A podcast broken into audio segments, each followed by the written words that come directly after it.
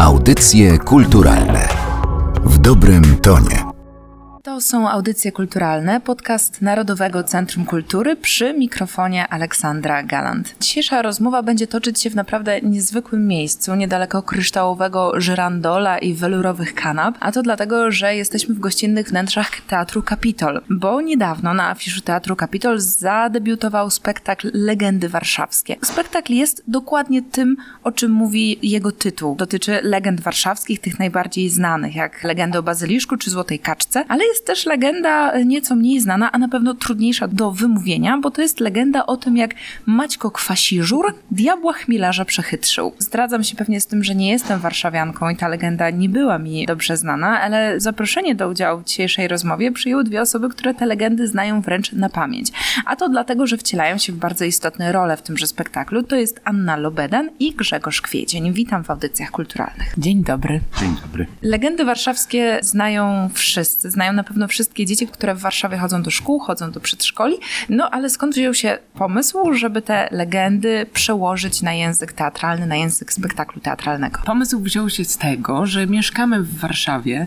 Te miejsca można odnaleźć chodząc na starówkę lub schodząc ulicą Tamką, czy wychodząc ulicą Tamką do góry.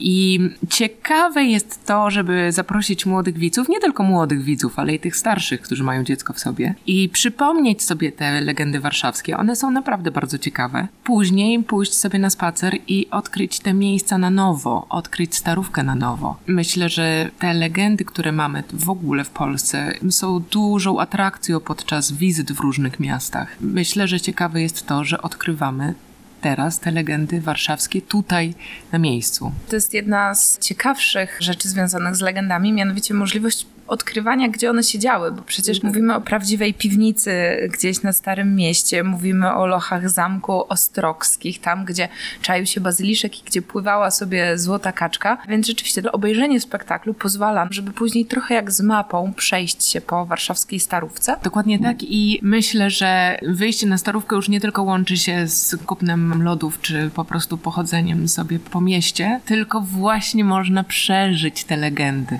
Ja sama to zrobiłam poznając te legendy, y, przeszłam sobie jeszcze raz z moimi własnymi dziećmi i przyznam, jest to bardzo atrakcyjne. Istotnym elementem naszego przedstawienia jest też to, że wielu warszawiaków, y, warszawianek i nie tylko ma jakieś wyobrażenie o legendach warszawskich, o Syrence, o Bazyliszku, Złotej Kaczce, ale jest to bardzo mgliste wyobrażenie. I myślę, że wielu ludzi na ulicy, gdyby spytać o co chodziło w poszczególnych legendach, to mogliby się bardzo gubić w zeznaniach.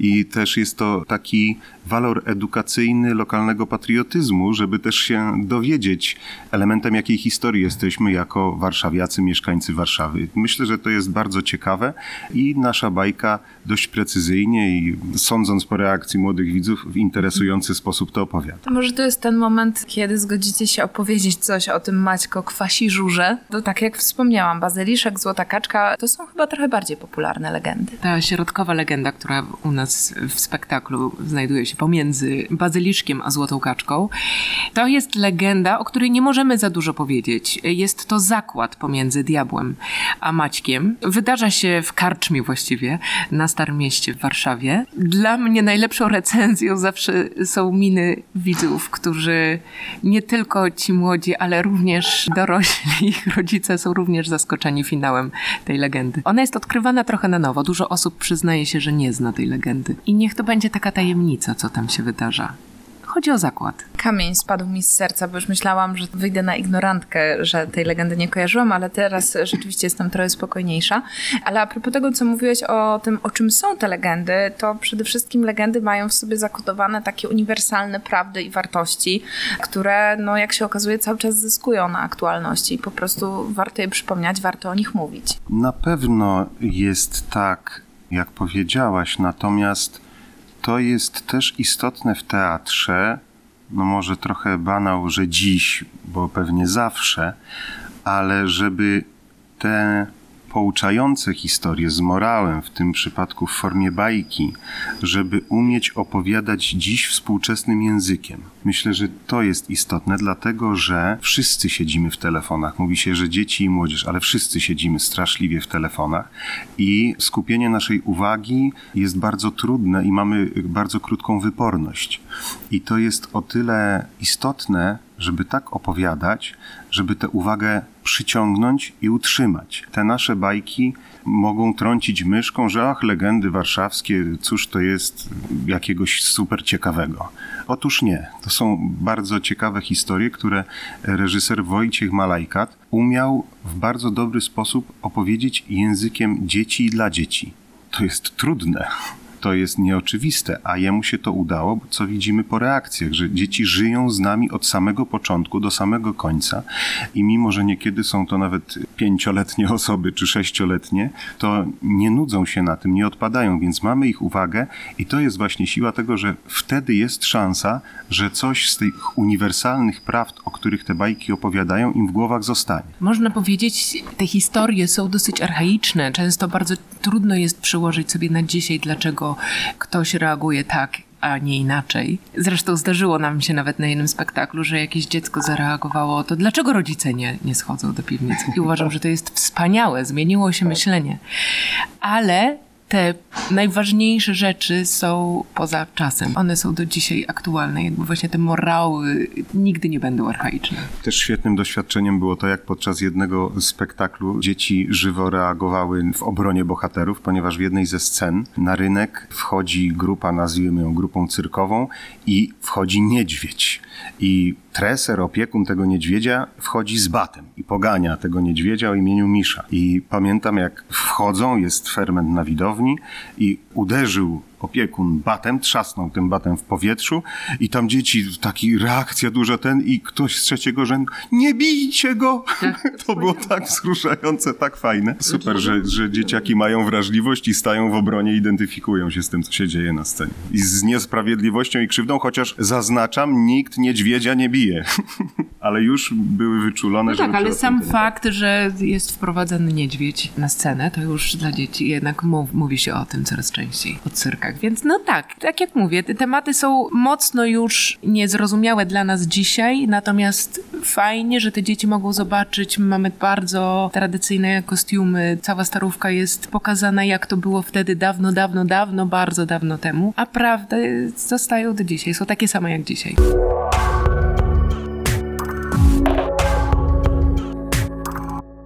Zaraz zapytam o te elementy scenografii, kostiumów, ale chciałabym, żebyście opowiedzieli trochę o swoich rolach. Już się pojawiła sugestia.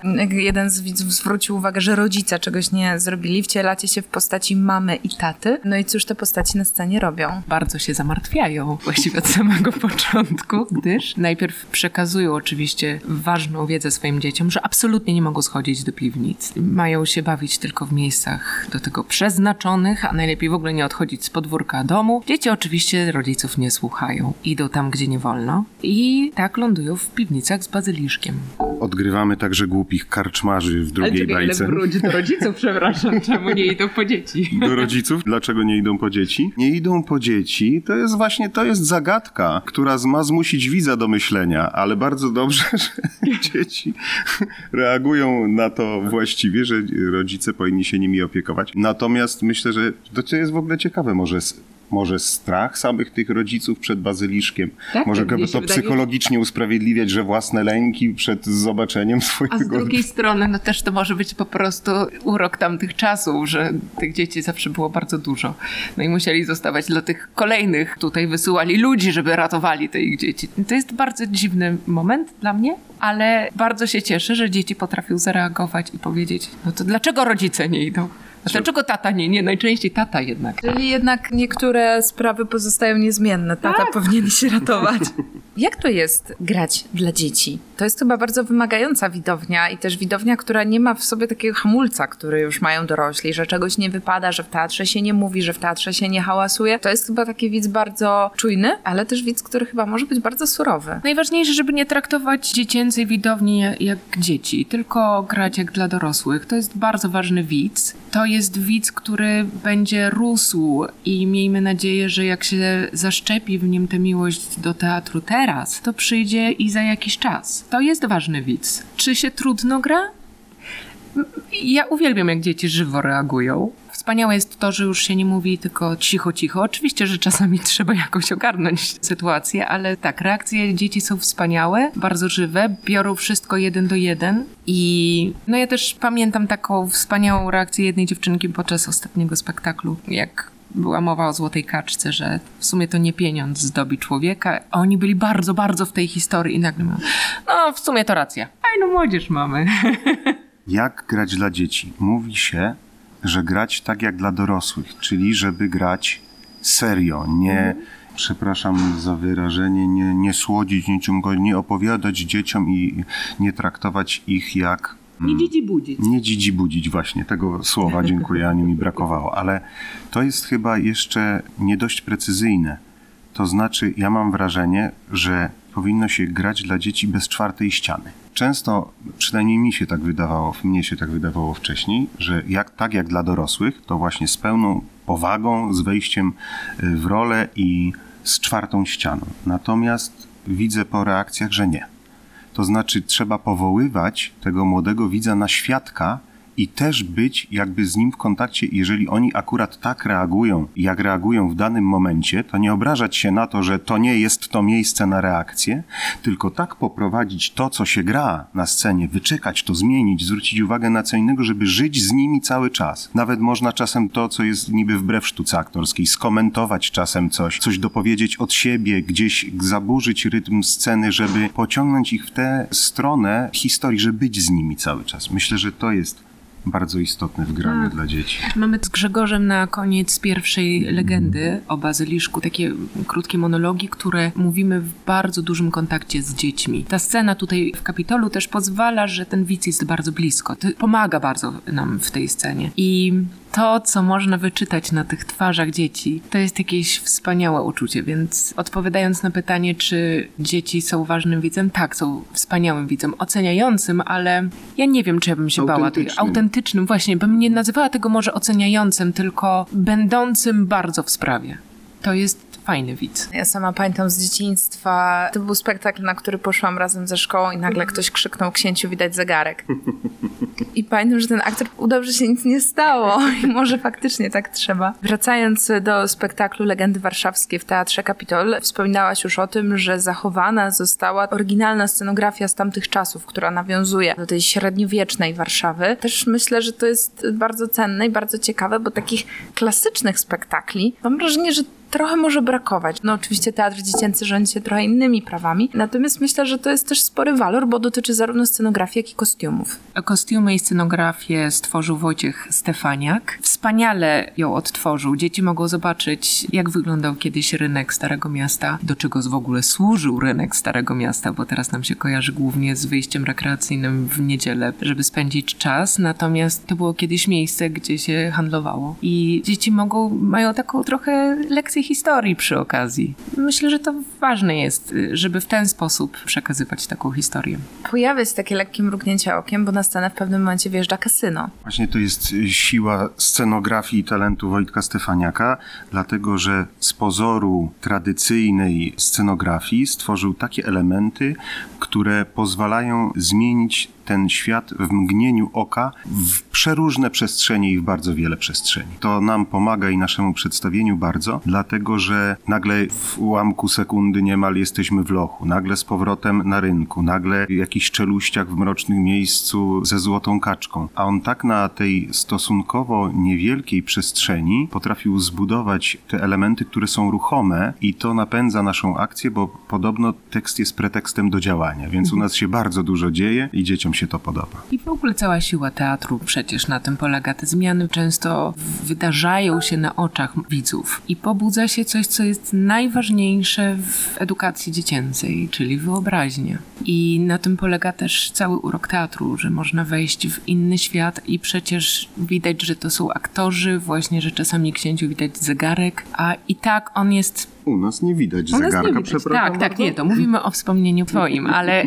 ale takie rzeczy się czasami zdarzają. No, kulisa się poruszy i widać, że tam ktoś akurat się chowa zaraz tuż przed wejściem. Takie rzeczy się zdarzają, to jest też magia teatru. I to są miłe wspomnienia często. Każdy z nas, myślę, ma takie wspomnienie, jak sobie pomyśli, zastanowi się, jakie było pierwsze spotkanie z teatrem, to są bardzo często, nawet nie ma wspomnienia całej historii, tylko to są właśnie jakieś plamy, to są jakiś Wrażenie. fragment muzyki, to jest wszystko impresja, wrażenie. A propos muzyki. Muzykę stworzył do naszego spektaklu Marcin Markowicz i myślę, że również wspaniale pokazał ten świat y, średniowieczny i potrafił stworzyć atmosferę strachu. Pamiętam, że po premierze naszej parę osób podeszło do mnie i powiedziało, że się bało przez samą muzykę, więc myślę, że udało się stworzyć to, co miało się w człowieku obudzić. Mierzą... Niepokój, może nie przez tak, żebyśmy tak. byli precyzyjni, to nie to, że straszymy dzieci oczywiście.